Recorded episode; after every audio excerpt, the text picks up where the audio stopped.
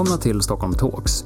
Nu bjuder fastighetsägarna in till samtal om Stockholms framtid. Vi tror det behövs en arena för diskussionen om var den här staden är på väg. Hur rustade är stockholmarna och hur rustade är Stockholm som stad för allting som kommer att hända framöver? Vilka är våra möjligheter och utmaningar? Och inte minst, vad gör stockholmarna glada? Vad gör att våra besökare vill återvända? Du är välkommen att lyssna, men du är också precis lika välkommen att delta i det samtalet som alla stockholmare behöver vara med i. Välkomna till ett nytt avsnitt av Stockholm Talks, Fastighetsägarna Stockholms podd om just Stockholm, om trygga och attraktiva platser och om saker som händer, får man väl säga, i, runt och mellan våra fastigheter. I den här serien så har det ju, tycker jag, varit ganska lätt att sätta en rubrik lite grann vad samtalet ska handla om. Man kan liksom rama in det och säga att idag ska vi prata, inte vet jag, handel eller vi ska prata klimatsäkring av fastigheter eller alla andra så här mer specifika områden som vi har eh, borrat oss in i de här samtalen. Och så insåg jag på vägen hit att det var lite svårare idag när jag skulle snabbt sammanfatta vad samtalet skulle handla om. För det är nämligen väldigt mycket jag vill prata med vår, eh, vår gäst idag. Och det tror jag att ni som lyssnar kan förstå också när jag presenterar dagens gäst som är Rael Balechev. Varmt välkommen hit. Tack så mycket.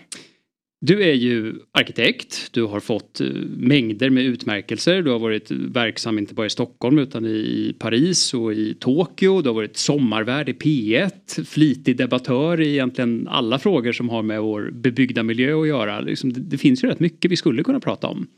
Ja men vi kan nog hitta ett annat ämne.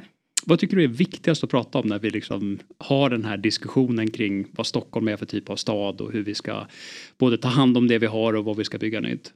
Men jag tycker det, det, viktigaste vi har att förhålla oss till idag är ju hur vi ska bygga mer hållbart. Mm. Och, och, det är ett så pass stort område så att det går ju att prata om väldigt många olika delar. Både staden, byggnaderna och även hur vi hanterar det vi skapar över tid. Men först eh, mitt efternamn. Belaccio. Belaccio. Mm. Jag ägnade ett halvt sommarprat åt att försöka förklara hur det uttalas. Det blev bara värre. Ja, exakt. Och jag insåg så här, jag övade ändå innan här för att jag, jag, jag sa fel först och sen när du berättade att det var rätt så blev jag så nervös vid, vid introduktionen ja. här. Så att, Men nu har vi rätt ut det. Ja, vi har rätt ut det. Vi klipper inte bort det utan det, det, det är bra. Det, det blev bra. Jag tänker lite så här, en fråga som vi ofta har eh, ställt i den här serien. Vi drog ju igång det som en samtalsserie för ja, egentligen ett antal år sedan när pandemin var mitt, mitt uppe i oss. Eh, och då handlade ju mycket av samtalen kring vad kommer hända med stan i pandemin? Alltså vad händer efteråt med, med de här beteendeförändringarna vi ser? Nu har det ju gått några år. Vad skulle du säga är permanenta förändringar från pandemin som alla städer eller kanske Stockholm specifikt lever med nu? Alltså det vi har varit med om med pandemin är ju väldigt unikt på många sätt. Och framförallt så är det ju att vi gemensamt har en helt ny erfarenhet mm. som vi alla delar. Och det tror jag inte vi, vi, har varit med om på det sättet tidigare. Och vi kunde ju se under pandemin att eh, när vi började jobba hemifrån och butikerna stängde ner så blev det ju ganska öde eh, centralt i städerna. Medan eh, bostadsområdena plötsligt levde upp för då började ju människor tillbringa tid där dagtid. Och det innebär ju att plötsligt så fanns det utrymme för handel, man efterfrågade eh, lunchrestauranger. Eh, det var kul att laga mat hemma i början men kanske inte varje dag. Och då blev det liksom ett helt annat liv ute i, eh, i bostadsområdena. Och driftiga entreprenörer, de var ju snabba med att skicka ut sina bilar och servera mat med foodtrucks av olika mm. slag eller öppna restaurang i sin eh, trädgård. Eh, men eh, vad som då hände i innerstan, innerstan var ju att det blev väldigt tomt och väldigt öde. Och det jag tycker pandemin verkligen eh, satte fingret på det är ju att när vi har för ensidig planering mm. så, så är det inte hållbart i längden. Utan har vi, har vi bara kontor till exempel i en stadsdel eh, är de här personerna inte på plats eh, och jobbar Eh, då är det tomt inte bara på kontoren utan även kringliggande restauranger och handel eh, lider av det. Så det, den största lärdomen eh, jag drar av pandemin det är ju hur viktigt det är att vi har blandad programmering i våra stadsdelar för att de ska kunna vara aktiva dygnets alla timmar. Mm. På dagen, på kvällen, på helgen och så vidare. Om du tittar i ja, men som vi planerar framåt nu. Man, alla de här bilderna av, av hur det är tänkt att Stockholm och andra städer ska växa de kommande åren. Nu, nu får man väl se hur mycket som kan byggas just nu då givet det ekonomiska läget. Men om man ändå tänker sig och har den tron att vi kommer fortsätta att, eh, att växa. Ha, har vi lärt oss den läxan tror du? När du tittar på de projekt och de planer som finns. finns har den där insikten sjunkit in? Ja, ja och nej. Eh, jag tror att vi alla är överens om att vi vill ha levande städer på olika sätt. Men samtidigt så är planeringen ganska kortsiktig. Mm. Eh, ska vi ha bottenvåningar som är levande och de ska fyllas med lokaler då lägger man ju över ansvar på fastighetsägaren att också hitta en hyresgäst som tycker att det är intressant att etablera sig. Eh, och det kanske tar några år innan den här stadsdelen är utbyggd och det finns människor och flöden eh, som kan efterfråga det. Och där har vi ett problem. Och, och, det problemet är egentligen större än att det ska ligga på en enskild fastighetsägare. Uh, och, och den, den, är inte löst. Är det, är det en av sakerna som man ägnar sig åt i ert labb? Undrar jag. Ja, vi har ju något vi kallar Bellaccio Labs som är vår experimentella studio. Jag tyckte det var så roligt, jag kan nästan inte låta bli att dela med mig just utav, ska läsa till här. Jag läste att det var eh, experimentella projekt i syfte att undersöka och testa nya metoder och finna lösningar på stadens problem. Det är ganska höga ambitioner ändå. Ja men det måste man ha, det tycker jag. Kan du inte berätta om eh, vad är det för typ av eh, experiment ni ägnar er åt just nu? Uh, jag kan berätta vad vi har gjort också mm, och mm. även det vi gör nu. Uh, vi tittar väldigt mycket, försöker blicka framåt. Vilka är utmaningarna? Eh, och hur kan vi föreställa oss vad vår stad och vår byggda eh, omgivning kan se ut längre fram. Så att det är idéer som, som är visionära och det, det är också viktigt att vi har visioner, att vi inte bara är låsta av de förutsättningar som råkar råda just här och nu. För de förändras, de var annorlunda tidigare och de kommer med all säkerhet att vara annorlunda framöver. Så vi började med att titta på eh, första projektet Straw Scraper handlade om Eh, Eh, hur kan vi eh, möjliggöra för byggnader att generera mer av sin egen energi? Egentligen så är det så här, vi, vi, behöver ju också, vi behöver generellt förbruka mindre och producera mer i termer av vad vi behöver, eh, energi, vatten och så vidare. Och då tittade vi på en teknik som då var i sin linda eh, som handlar om piezoelektricitet och hur små, små rörelser i vissa material kan generera el och så föreställde vi oss att vi hade byggnader med massa strån mm. Eh, som med, med liten vindrörelse kunde generera el.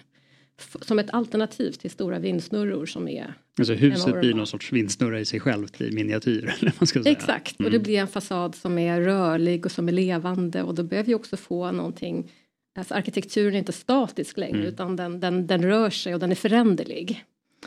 Eh, och sen tittade vi på ett annat projekt eh, som handlade om hur vi kan eh, möjliggöra för staden att producera mer av sin egen mat. Så att det här forumet, Bellagio Labs, handlar också om att titta liksom, bortom arkitektur som byggnad eller byggd struktur utan hela liksom, staden och vad staden behöver.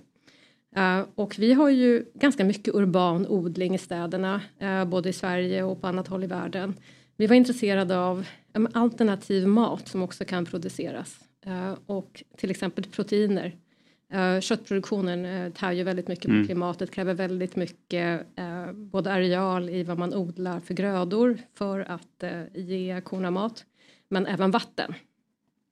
och då tog vi fram ett antal insektsfarmer som skulle kunna skapas i i städerna. De brukar bli väldigt omskrivna de där när de dyker upp. Att folk, folk går igång på det där. En del tycker det låter jättespännande och en del blir väldigt äcklade. Liksom. Ja, det var verkligen skräckblandad förtjusning kring insekterna. Men senaste projektet vi gjorde är ju faktiskt eh, efter pandemin. Där vi funderade över just arbetsplatser. Mm. Och vad innebär det här nu, det nya normala? Vi har nu eh, den här gemensamma erfarenheten av att faktiskt kunna jobba hemifrån. Och det går ju ändå ganska bra för de flesta av oss de som kan. Jag menar, en sjuksköterska, sjuksköterska har ju svårt att jobba hemifrån. Men vi som är kontorsarbetande kan ju sitta hemma och jobba. Vi har ju väldigt bra uppkoppling, de flesta av oss hemma.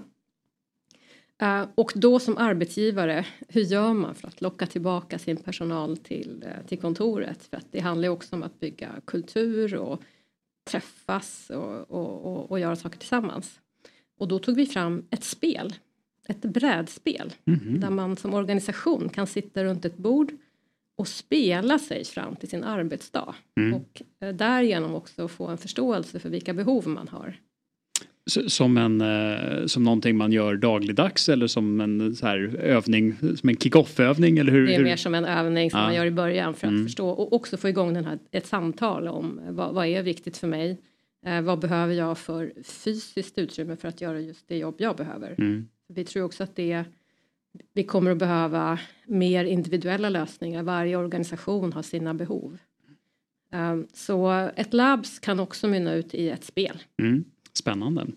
Just den delen tyckte jag själv var ganska, eh, det där individuella som du pekar på, att var, var det någonting man märkte på arbetsplatsen med kollegor var ju att man, även om man ibland träffade dem mer sällan, så lärde man känna folk personlighetsmässigt lite grann. För man insåg att en del tyckte det var superskönt att jobba hemifrån och andra liksom var på kontoret oavsett så fort tillfället gavs. Så att det, det sa en del om personlighetsskillnader också lite grann. Ja, verkligen. Jag tänkte, jag fastnade lite för det du var inne på förut, att man skulle våga vara lite, man måste vara lite visionär i det här. Tycker du att, om vi tar liksom debatten kring stadsbyggande eller kring stadsutveckling eller arkitektur för den delen, är den visionär idag eller är det mycket det känns som att det är ett stort intresse för frågorna men, men ibland kan man få en känsla av att det är lite nostalgi också. Just nu diskuteras ju arkitektur kanske mer än någonsin mm. och det i sig tycker jag är jättebra. För att vi behöver ju vara fler som pratar om arkitektur och som också ställer oss frågan vad är bra arkitektur, vad vill vi och vad behöver vi? Um, och det viktiga för mig i, i diskussionen om arkitektur det är ju att vi pratar om kvalitet och vad det är arkitekturen gör för oss. Um, sena, på senare tid har det kanske blivit lite mer fråga om stil och utseende mm. och då är vi på en nivå som handlar om en fasad och inte så mycket om vad en byggnad är. Men det är en början. Mm. Uh, och den diskussionen är inte särskilt visionär. Uh, att vara visionär är ju att också kunna blicka framåt och, och, försöka föreställa oss vad är det för värld vi vill skapa och hur ser den ut? Uh, om 10 år, om 20 år, om 30 år. Mm. Vi måste våga tänka flera generationer framåt. Men jag tänker lite just på den, som du är inne på, att intresset är ju väldigt stort. Att man, man har gått från en, en situation där hur staden byggs eller hur enskilda hus ser ut var, var kanske en diskussion som fanns lite på kultursidorna ibland och folk hade synpunkter. Och nu, nu är det både upprop hit och dit och det är Facebookgrupper och alla har en åsikt om detta. Men, men, eh, men, du, men som arkitekt, du tycker inte det är jobbigt och känner så här, lämna det här till oss proffs. Liksom, utan det, du, du menar att det, det ändå är positivt. Absolut, mm. jag tycker det är bra. Det är viktigt och, och arkitektur är någonting som påverkar oss allihop. Mm. Att vi behöver prata om det och förstå uh, vad det är. Uh, och vi behöver också kunna skilja på vad är bra arkitektur och vad är dålig arkitektur. Uh, och då är det inte bara fasader utan det är hur den är planerad och hur den är vilka, vilka material man har mm. använt och vilken omsorg man ger det man bygger. Det tycker jag är någonting vi skulle behöva prata mycket mer om. Hur skulle man kunna få de aspekterna med, mer i, i den här ska vi säga, stora samtalet? För det är klart att det, det, om man inte själv är arkitekt och man går runt på stan och tycker så här, det där var ett vackert hus och sen har man inte riktigt koll på det här som du är inne och pratar om. Vad, vad är kvalitet och hur förklarar man det för någon som, som inte sysslar med frågorna till vardags utan mer är ute efter den här känslan på något sätt? Det är mycket lättare att tycka om, om eh, en fasad. Mm. Om man tycker att den, man gillar den eller inte. Det är mycket enklare. Mm. Det andra är svårare. Mm. Uh, och svåra frågor, är, komplexa frågor är svårare att förhålla sig till. Mm. Men det är ju upp till hela branschen att, att förklara, uh, berätta. Uh, vad är det vi sysslar med, mm. vi som är professionella och varför är det bra? Och jag tycker också att skolorna skulle kunna prata mer om arkitektur och städer, uppmuntra ungdomarna och, och, och förklara och ge exempel. Arkitektur behöver upplevas. Mm. Ut på studiebesök, eh, in och titta på hus, titta på bra exempel men titta också på mindre bra exempel.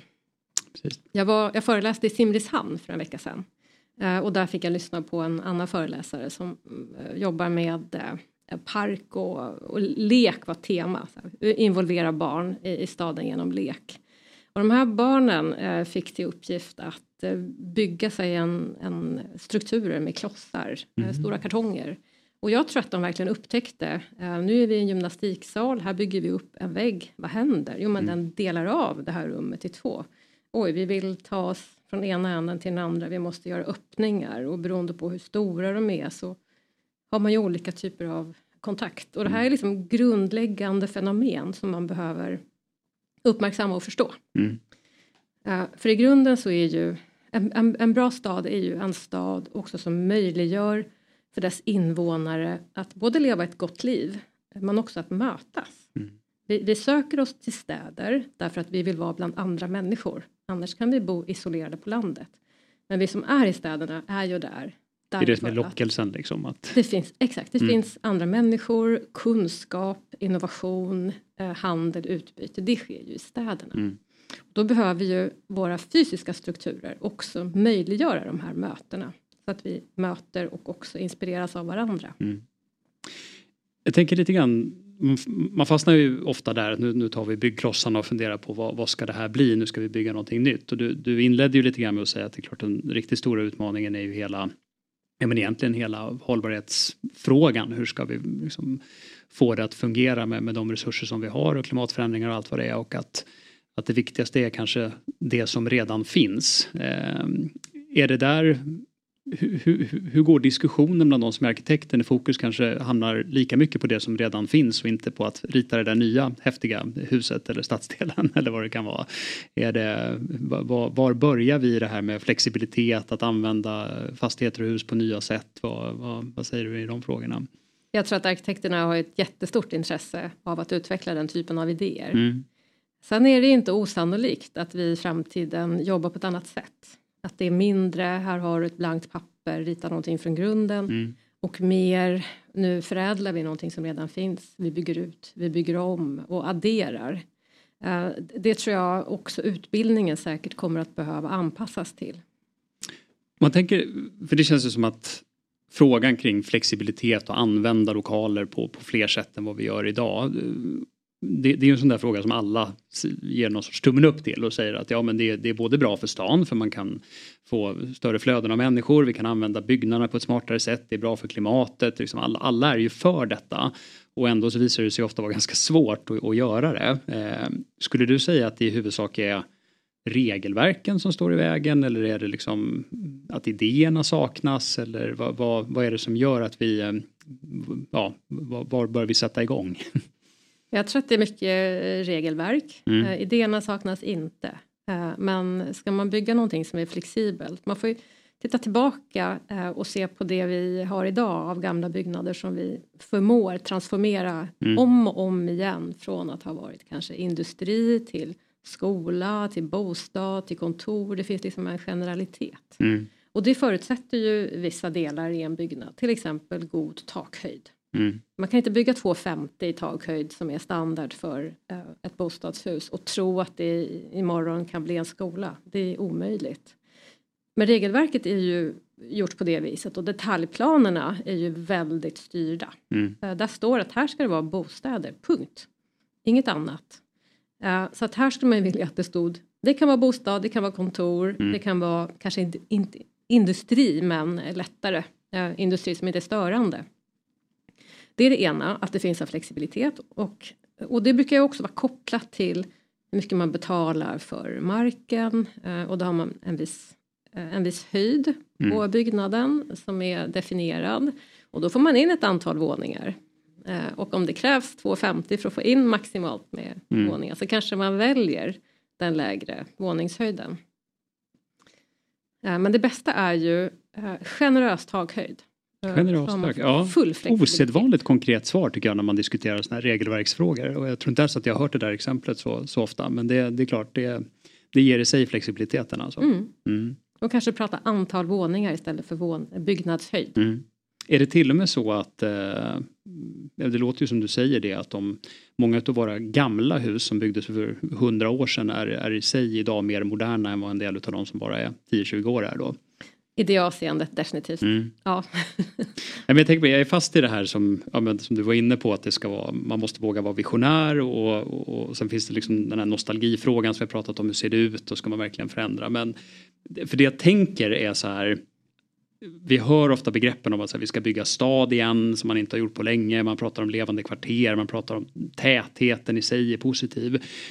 Det låter ju på ett sätt som man beskriver någon stad som började byggas för ungefär hundra år sedan. Att är det någon sorts återgång, nostalgisk återblick till den typen av stadskärna eller är det för att det i grunden visade sig vara ett väldigt framgångsrikt sätt att bygga städer på? Vi har ju några väldigt gamla städer som fortfarande är väldigt attraktiva. Mm. Eh, och det är klart att har, har en stad funnits i tusen år eh, och den fortfarande drar till sig människor, eh, då är det någonting där som fungerar. Mm. Och jag kan tipsa om en bra bok som kom ut för nu under våren av Lars Marcus som är professor. Han är urbanmorfolog. Urbanmorfolog, det måste du nog nästan förklara tror jag. Om man slår upp. Nej, det urban det har med städer att göra och morf är form. Så mm. hur städerna är formade. Och hans bok heter Städernas stenar. Och den är så förträfflig för att han förklarar på ett väldigt enkelt och pedagogiskt sätt hur den formade byggnaden, hur byggnadens form påverkar oss som människor. Mm. Uh, och då tar han uh, många exempel men ett par av dem handlar om uh, gatustrukturerna Eh, och då tar han eh, de här klassiska städerna, eh, det är ju gator som korsar varandra, mm. ofta. Och, och då bildar det ett slags väv. Och det och innebär... varje korsning blir det ett möte på olika sätt. Precis, om mm. du behöver ta det från ena hörnet, ena änden av staden till den andra änden så måste du passera olika stadsdelar. Mm. Du är tvungen för att ta dig dit du ska. Uh, och i andra änden så har vi det han kallar för trädstruktur. Uh, och det var det man höll på med mycket med miljonprogrammet. Man har gator som matargator som leder fram till en lokalgata och sen så går den vidare till mindre gator som slutar i återvändsgränder. Och då formar det såna här träd som sticker iväg åt olika håll. Och ska du då från din bostad till ett annat sånt träd så möter du ingen på vägen mm. för du är bara på de här transportsträckorna. Och den typen av strukturer isolerar oss från varandra. Mm. Och det har vi ju nu erfarit med miljonprogrammets planering. Att den är, det, det, är svårt att få till de här mötena och därför så är det naturligt att vi också tittar tillbaka på de här välfungerande gatustrukturerna. Mm. Vad kan vi lära? En annan sak som han, jag vill nämna från den här boken, eh, han slår hål på eh, vissa, ja, vi, vi, viss planering som till synes gör en sak men egentligen får en annan effekt. Och då tar han Skarpnäck som exempel. Tittar man på Skarpnäck ur ett flygfoto så ser det ut som en gammal kvarterstad. Mm. Det är ett rutnät, väldigt regelbundet. Men när man undersöker de här gatorna så ser man att nej, men gatorna går inte hela vägen. De stannar upp någonstans. Eller eh, blir en återvändsgränd. Så att det ser ut som en gammal stadsplan som är ett rutnät men i själva verket så är det som miljonprogrammet. Mm. Och då blir det någonting helt annat. Då blir det någonting annat. Mm. Ja, det känns som att man skulle kunna eh, fortsätta borra i det där begreppet länge och se om man, eh, om, om man får till det. Men om man tänker så här då, många av de här frågorna vi diskuterar nu känns som att de existerar i rätt många städer som diskussioner. Skulle, skulle du säga vilka är Stockholms specifika utmaningar eller har vi, finns det områden där vi har väldigt goda förutsättningar? Det här är väl ändå rätt mycket av en blandstad till exempel till skillnad från många andra storstäder. Det såg man ju under pandemin att det bor många ändå i också i områdena där det finns kontor till exempel och sådär. Men vad, vad, skulle du säga är, är de stockholmska förutsättningarna i, i den här miljön? Stockholms utmaningar är ju liksom också den, dess kvaliteter är också dess svaga punkt i det avseendet. Att vi har en innerstad som är väldigt avgränsad. Mm. Den, den, är liksom, den tar slut. Och sen har vi ytterstaden eh, som ligger utanför. Eh, vi har också eh, en kollektivtrafik som är väldigt centrisk. Den utgår ifrån T-centralen så strålar den ut. Och ju längre ut från centrum man kommer, ju längre bort ifrån varandra är vi. Så i ytterstaden så är ändhållplatserna väldigt långt ifrån varandra. Mm. Och även om vi har en tvärbana så är den ju, den är ju verkligen i innerstan. Den gör ingenting för den här yttre stadsdelen. Det var ett annat Labs-projekt eh, som mm. tog sig an den frågan eh, som vi kallade Stockholm Loop som handlar om hur kan vi både förtäta där vi redan har en infrastruktur i ytterstaden och hur kan vi koppla ihop dem bättre med varandra. Mm. Så det, det, tror jag är Stockholms stora, stora utmaning. Att, att få ihop, eh, koppla de yttre stadsdelarna med varandra. Och egentligen på samma sätt som du beskrev alldeles nyss med att ju fler skärningspunkter i, i rutnätet där mötena uppstår, det är bara att här ska det göras i lite större skala då egentligen. Ja. Mm. Jag har bott i Paris i, i några, några år eh, och Paris är en stad som är den har väldigt många olika delar i staden. Den är ju byggd på ett antal arrondissement mm. Eh, och varje arrondissement har lite sin egen karaktär och de flesta brukar ju stanna kvar där man bor där och nu håller man dessutom på med 15 minuters staden som begrepp där man på 15 minuter ska kunna nå allt man behöver från bostaden till jobbet till rekreation och service. men Paris är också en fantastisk stad att bara promenera i. Mm. Och när man passerar de här olika stadsdelarna, det är, det är som en resa världen över. det är fantastiskt. Och en sån resa kan man inte göra i Stockholm på samma sätt. För det, blir, det är väldigt homogent i mm. innerstan och sen så är man långt ifrån varandra eh, ju längre ut man kommer. Hur lyckas man med det? Jag tänker de förutsättningar som ändå finns här, att det, det är massa öar och broar och eh, de här tullarna finns någonstans mentalt för de flesta. Att det går, stan är där den är, den går inte, man kommer aldrig se den som att den kan växa. Hur, hur utvecklar man en stad som liksom är på det sättet fast i var den börjar och slutar? Är det liksom ännu mer förtätning då eller är det Nej, alltså innerstaden är ju som den är. Mm. Eh, det finns säkert möjlighet att förtäta lite grann, men mm. inte, inte så mycket. Mm. Men vi har ju Järvafältet, mm. gigantiskt. Uh, och uh, där finns det saker att göra. Mm. Vad skulle du vilja göra? Jag skulle definitivt koppla ihop förorterna med varandra. Mm. Det, det, kommer att finnas natur i alla fall. Om man tänker det som du var inne på också med om man tänker likadant där, man, man fortsätter med de levande bottenvåningarna att koppla ihop och få, få också flöden på gatorna.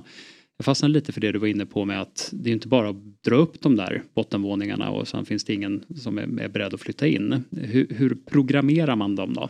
Eh, om för att använda uttrycket du hade inledningsvis. Vad, vad, är, de, eh, vad är tipsen? Där tycker jag man ska samverka. Eh, kommunen, fastighetsägare, eh, näringslivet, eh, gärna eh, frivilliga organisationer och kultur och konst. Mm. Jag tycker att man ska fylla bottenvåningarna med, med konst och kultur av olika slag. De behöver lokaler. Eh, konstnärerna de puttas ut när staden växer och gentrifieras. De behöver en plats. Mm. Eh, men någon måste stå för notan. Eh, och där behöver man hitta en lösning. Tror att den, vi pratade lite om pandemin, det var ju liksom krisen alla pratade om för några år sedan. Nu, nu står vi inför en annan situation med allvarligt ekonomiskt läge och sådär. Tror du att eh, tror att det kommer krävas nya just samverkansformer mellan offentligt och privat för att ja, dels att det ska byggas något överhuvudtaget men, men också kring stadsutveckling i bred bemärkelse. I, vad kommer vi lära oss av det, den här krisen? Ja, det är en väldigt olycklig kris eftersom mm. vi äntligen fick fart på byggandet och fick, fick eh, igång väldigt mycket bostadsprojekt. Eh, på ett sätt är det bra att tempot lugnar ner sig något men nu är det ju stiltje mm. Eh, och det är naturligtvis inte bra så här behöver ju alla kraftsamla för att se vad vi kan göra för att ändå få igång något slags byggande. Mm. För bostadsbehovet är kvar och förr eller senare så kommer det tillbaka. Om du skulle hitta en sån där, kalla det reform eller kalla det regelförenkling eller kalla det ja, vad som helst för att försöka rusta oss till när konjunkturen väl vänder. Om man tänker sig att om vi ändå är positiva nog att tänka sig att det kommer vända förr eller senare och då behöver vi vara så väl rustade som möjligt så att många ska känna att nu, nu vågar vi satsa. Vad skulle behöva vara färdigt då som vi inte har idag?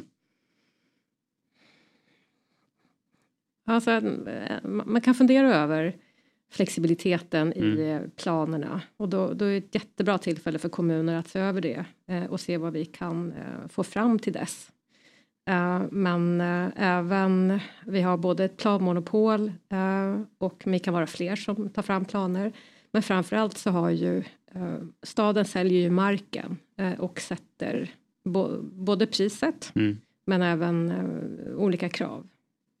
Sen kan jag tycka generellt att vi, vi kanske överplanerar staden. Vi är väldigt bra på detaljplanera varenda kvadratmeter. Det kanske vi inte måste göra. Mm. Kan vi lämna vissa delar fria och se vad, vad behovet kan vara. Uh, och lämna plats för kulturen att också vara med i nya stadsdelar. Så flexibilitet, mer utav lite ska vi säga, inte så bestämd eh, användning då utav vad man ska göra och, och, mer kultur. Det är ett sammanfattningsvis ett ganska bra recept då kanske. Det, det ska vara bra om vi kunde mm. jobba med. Det här blir ju lite som ett eh, uppsnack inför eh, Almedalsveckan där du också ska delta på ett av våra seminarier. Då ska vi också prata lite trygghetsfrågor och så. Det har vi inte kommit in på så mycket nu men eh, jag gissar att en del av det här du pratar om med fler möten och mer eh, människor i rörelse. Det bidrar också automatiskt till mer utav en trygg upplevelse utav staden eller hur ska vi jobba med det? Absolut. Uh, trygghet och framförallt upplevd trygghet handlar ju om att man inte känner sig ensam mm. och att det finns andra som rör sig på platsen. Och då är ju vägar som korsar varandra, uh, bottenvåningar som är öppna där man kan se att det finns andra människor som är närvarande. Uh, det är ju grundläggande. Det blir mycket spännande att följa och jag är väldigt nyfiken på att se mer exempel från det här labbet, vad som eh, dyker upp utav framtidssatsningar. Mm. Men stort tack för att du eh, ville vara med och eh, tack också för lästipset till inför sommaren så småningom med, stadens, städernas, vad var det? Stadens stenar. Stadens stenar heter den. Förlåt, städernas stenar. Städernas stenar, där har vi någonting för hängmattan i sommar helt enkelt. Stort tack för att du ville vara med idag. Tack, kul att vara med.